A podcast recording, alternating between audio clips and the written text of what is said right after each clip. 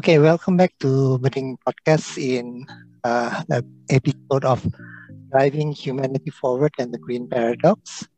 This is our uh, episode number 10, and the title is Sustainability and Technology. So, today we have a very prominent uh, guest speaker, Miss Richa, and she will introduce herself also after this. And we will be talking about uh, sustainability and technology. Uh, actually, what is uh, technology contribution in the sustainability? And for this conversation, it will be guided by Pak Kostup. So as usual, Pak Kostup, uh, please start. Thank you, Paika, and very wish you a very good afternoon to you and good morning to Bu Richa. Uh, it's really pleasure to have you here uh, with us and having speak about uh, a topic which is close to our hearts, the sustainability and technology. In today's episode, we are trying to dwell about like we would like to know more about you and what kind of technological companies are doing in this space in terms of sustainability. Usually, uh, people feel that uh, green paradox and it's related to only manufacturing or chemical industry and likewise. But the technology is a key differentiator and it is making a huge change. So that is something which we would like to understand from you. So without taking much of your time i pass on the uh, mic to you and would like to know more about yourself and the companies like ibm uh, doing in the technological space. Over to you richa.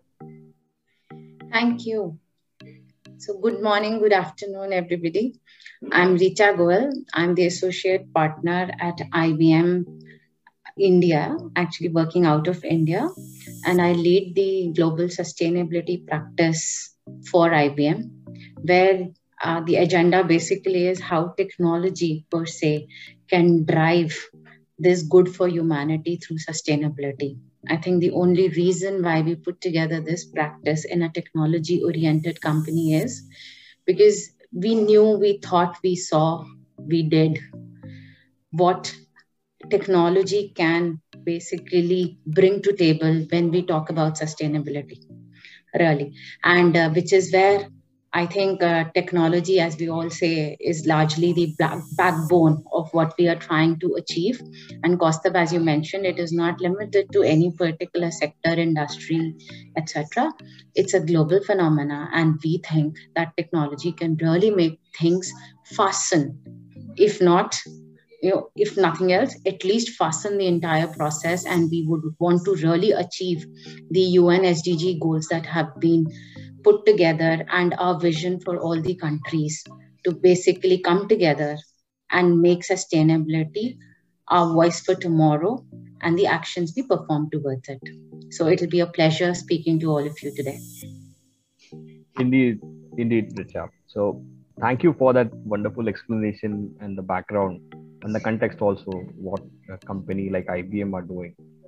Would you maybe help us understand, let's say, like how have you created any community projects or any projects which have impacted the community at large and given them a sustainable nature uh, or which has impacted the society at large? Yeah, sure. I think um, let me give you a brief background about you know how sustainability or uh, is important and how technology kind of overlays on top of it, and then maybe I will delve into some examples as to what IBM has done together. So, uh, so uh, in our world now, in the technology world, we always say sustainability is the new digital.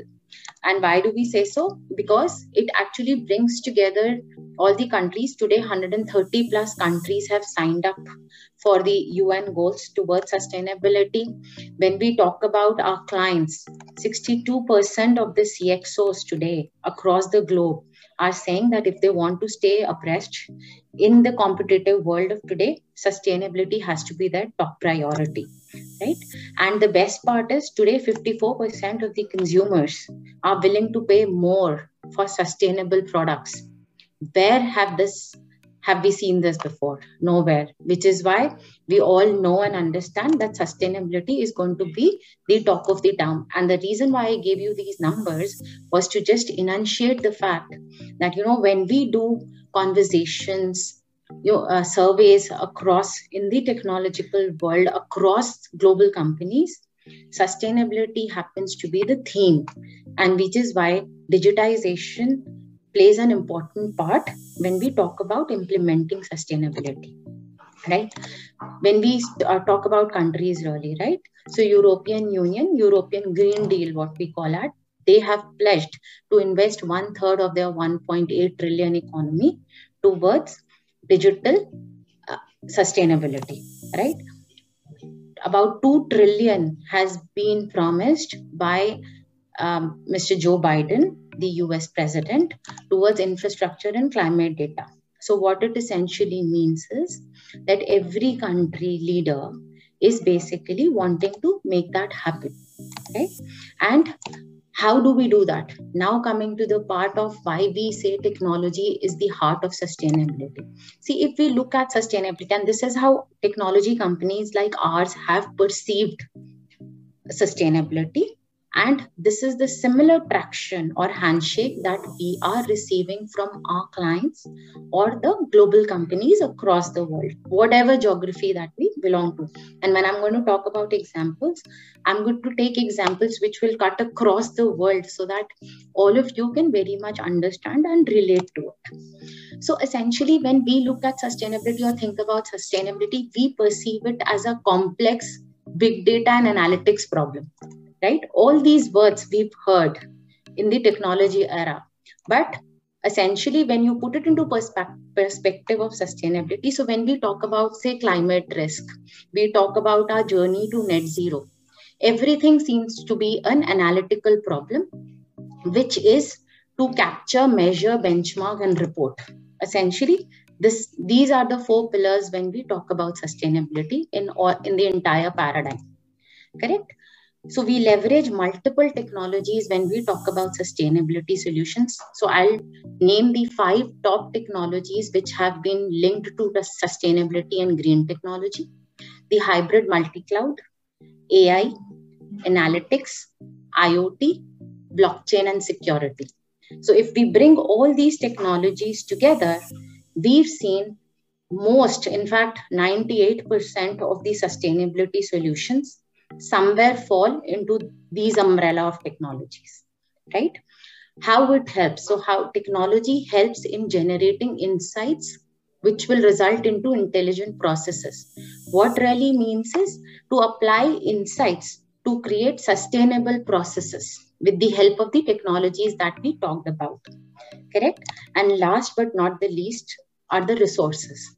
Every company has a set of resources which are essentially the driving forces. So when I'm talking about these technologies, simultaneously we are all also building skills, learning you know, some learning courses, etc., for basically training our resources on what we call as ESG. So we have ESG consultants, we have ESG SMEs or the subject matter experts, which we are building in various industries so that these are the people who can drive and actually deliver these conversations, bringing sustainability to life. So, essentially, to uh, summarize everything, I would say, which is why we say technology is the helm of sustainability. And the only thing that we need to do now do is act, co create, right? Because it cannot be a one way traffic. We have to come together to make it happen. Only then we will achieve. And we need to accelerate it in the best way possible. So this is how I would kind of position uh, sustainability with technology. Costa, was I able to bring some justice to the question that you asked? Uh, so Rita, really interesting. While you are giving these many numbers and things which are happening around the globe, uh, maybe uh, just as an insight, if you can dwell upon any insights, let's say like an industry which you are referring, that could give the audience sorry, I think connectivity issues with Costa, but I think I understood the question. Let me see, take some examples from across the globe to uh, enunciate why i said that you know the five technology areas that i talked about helped us and would help in actually responding to approximately 98% of the sustainability problems right so um, let me take an example uh, to uh, of a norwegian company. So sorry i'm not going to take the names of uh, the clients really but uh, but my idea is just to share what we really did right? So a norwegian company which is more into crop yielding.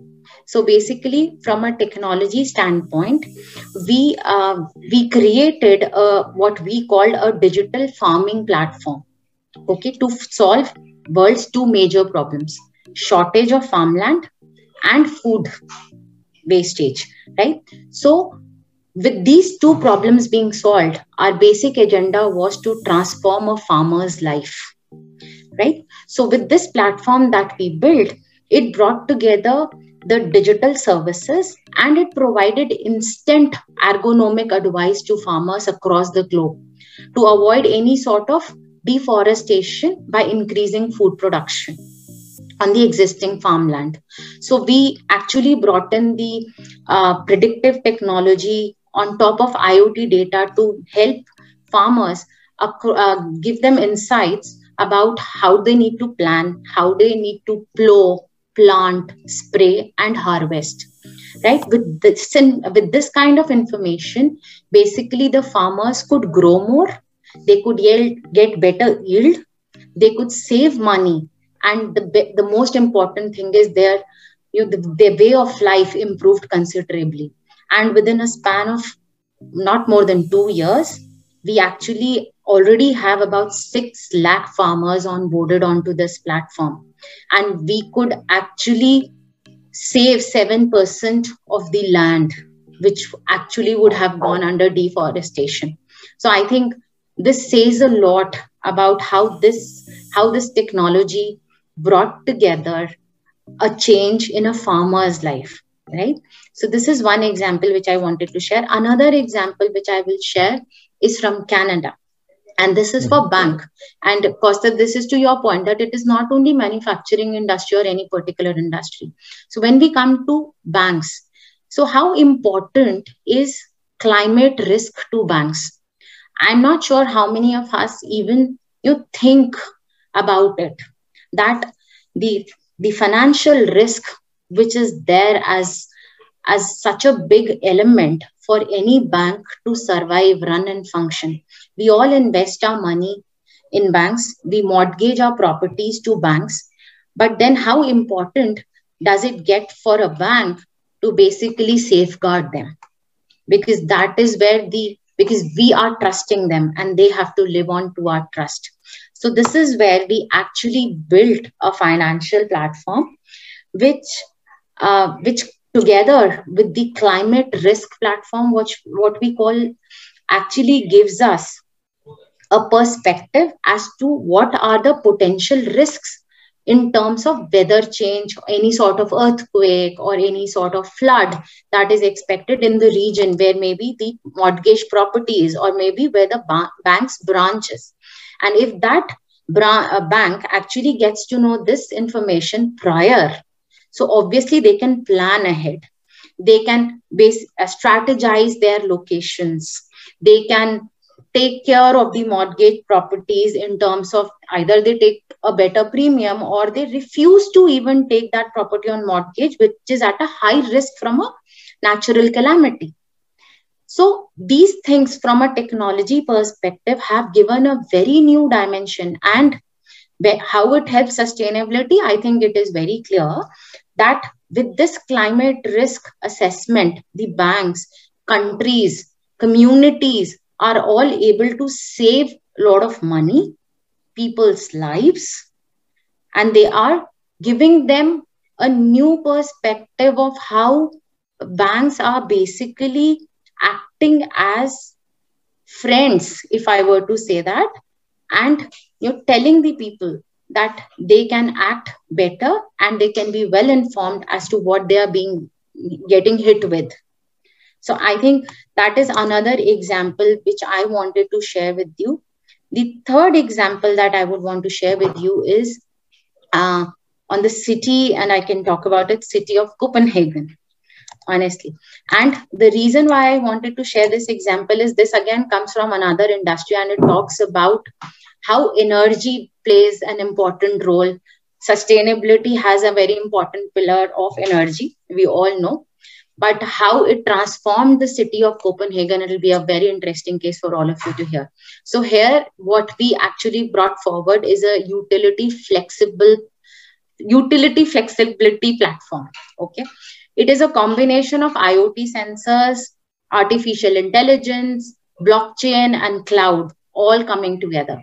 So what essentially we did was created a black blockchain platform where we got the energy traders aggregators and consumers all onto that platform. And how it helped? Two three things. The consumer could actually save the energy and sell it in the market. And get money. So, this is how the consumer is benefiting from it. The trader and the aggregator was till date speculating as to how much energy would be required. But now, with this black blockchain information and the data that they have collected and the AI that is put, which is giving them the, those analytical models in order to predict, they could actually come up with uh, you, they could actually know that what would be the demand what are the peak demand times how much energy would be required how much energy at a given particular instance of time will be required and what are the lull periods which is why they could distribute the energy across and the trading instead of becoming speculative actually became informed. So which is why and this entire city now runs on renewables only, which is the biggest transformation I think any city could see, and which is what we need to make for our future generations. So I think I can go on and on with examples, but Costa, I I think yeah. you you would take your time. So let's go to the next question. Sure. So this uh, it's really wonderful to know all these examples and just maybe a last uh, conclusive question, uh, which would be uh, the one which you mentioned about the food wastage or the energy transformation and all. So, how do you see it coming as an inclusive or a learning to Indonesia? And we all know that G20 uh, for the next year is happening in Indonesia, very much in Bali. And I believe these would be some of the pointing questions which the leaders in Indonesia would be thinking upon uh, in terms of, say, the food wastage or the renewable energy and also maybe uh, relating it to the COP27 uh, as key, key takeaways. So, how do you see it as inclusive or uh, next steps or a way forward towards G20 and uh, COP27? COP27, yeah. Yeah, I think um, with COP26 that just concluded, so many different areas, platforms, came came out, out out of that discussion and we are are gunning towards making a COP27 much more powerful. And so glad that G20 is happening in Indonesia. And I think Indonesia is again one very important country and houses so many different things. And I'm sure from a sustainability angle, if I were to think, I think Unilever's palm oil actually is like a hub from Indonesia itself.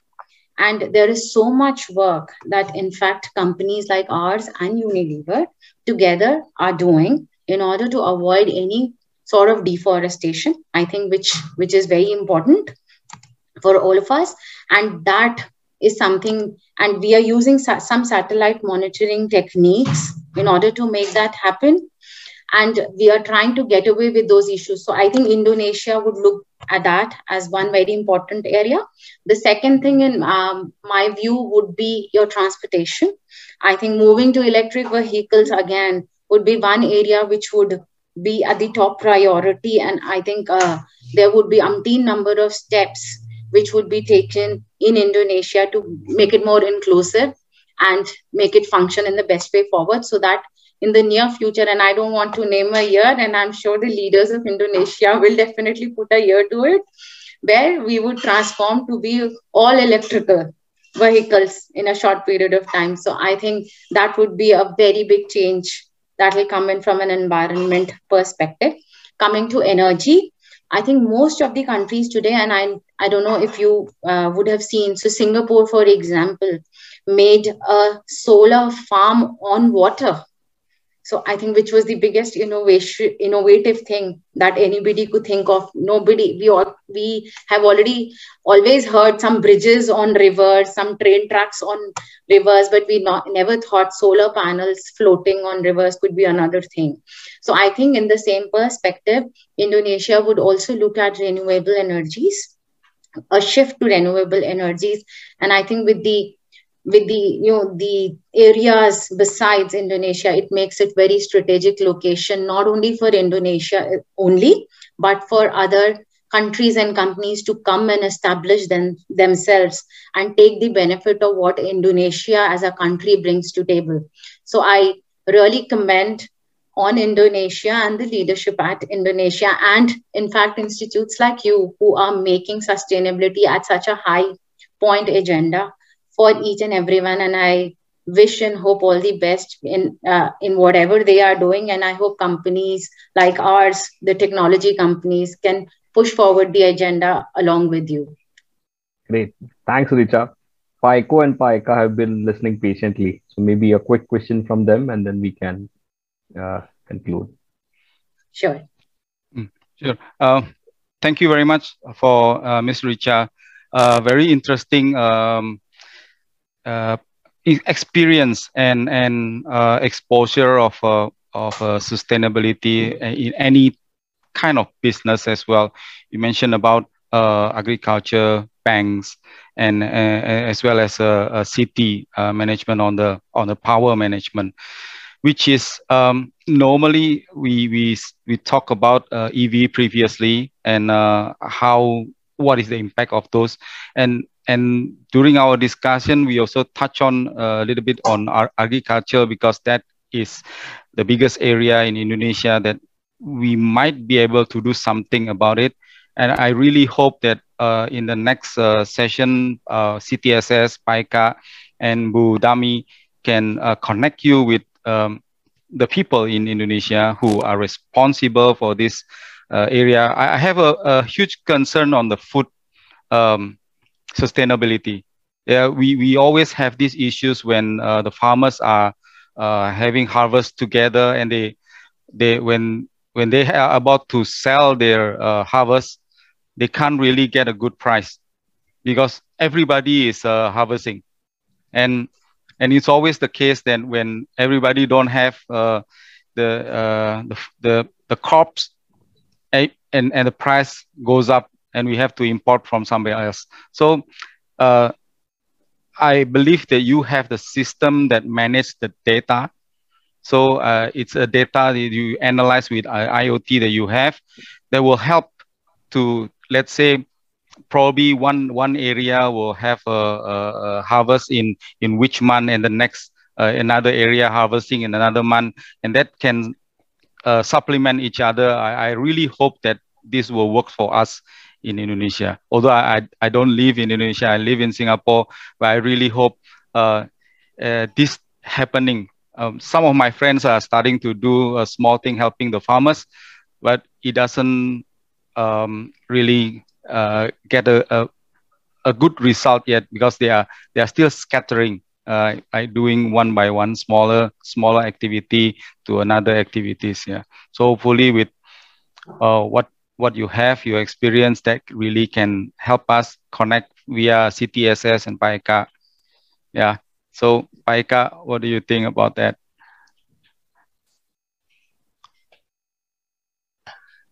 Well, I think uh, first, uh, Ms. Richa, what, what is your comment? Because I'm very interested in what you say inside. So collecting data, analyzing, and getting the insight. So, yeah. What do you think, Ms. Reed? Yeah, so maybe I will just, and very good point, Echo uh, and Eka. See, uh, I am also a true believer. I think I come from India, right, which is again a land of agriculture. So for us, also, farmers are as important, and I guess across the globe because they are the ones who give us food. So i think very important and which is why in fact ibm research also first put their hands into try and analyzing the soil quality to begin with right? As to and that also incidentally we are also learning as we are you know doing as much experimenting that we are doing. So but what we understood was that quality of soil is very important in order to understand when the things should be when the seeds should be planted and how how less can we use pesticides and in, insecticides to have a more organic crop right? So as you rightly said so use of iot sensors in some cases to protect it and the research that we are doing in order to understand the soil quality and the data that we are collecting in order to see what would be the right time to sow plant and harvest. All these things put together are making life very simple and which is where i talked about the digital farming platform. So currently yeah it took a lot of effort to for us to make the farmers understand the importance of it because everybody is so used to doing their own way that they are they're all reluctant to change. But i think it was an achievement and we are still trying to add more and more farmers onto it and get the benefit so i i would be more than happy to have as many. And the best part is this is not a b2b kind of a thing. This platform is a b2c so each and every farmer individually can embark upon it and get the benefits out of it which will in the whole gamut of things position best. So i think that will be a very good starting point for anybody to leverage and take benefits from an agriculture perspective. Yeah, very interesting. so, Paiko, uh, uh, does this answer your question? Yes, but so uh, it's very much uh, what I would expect. Yeah.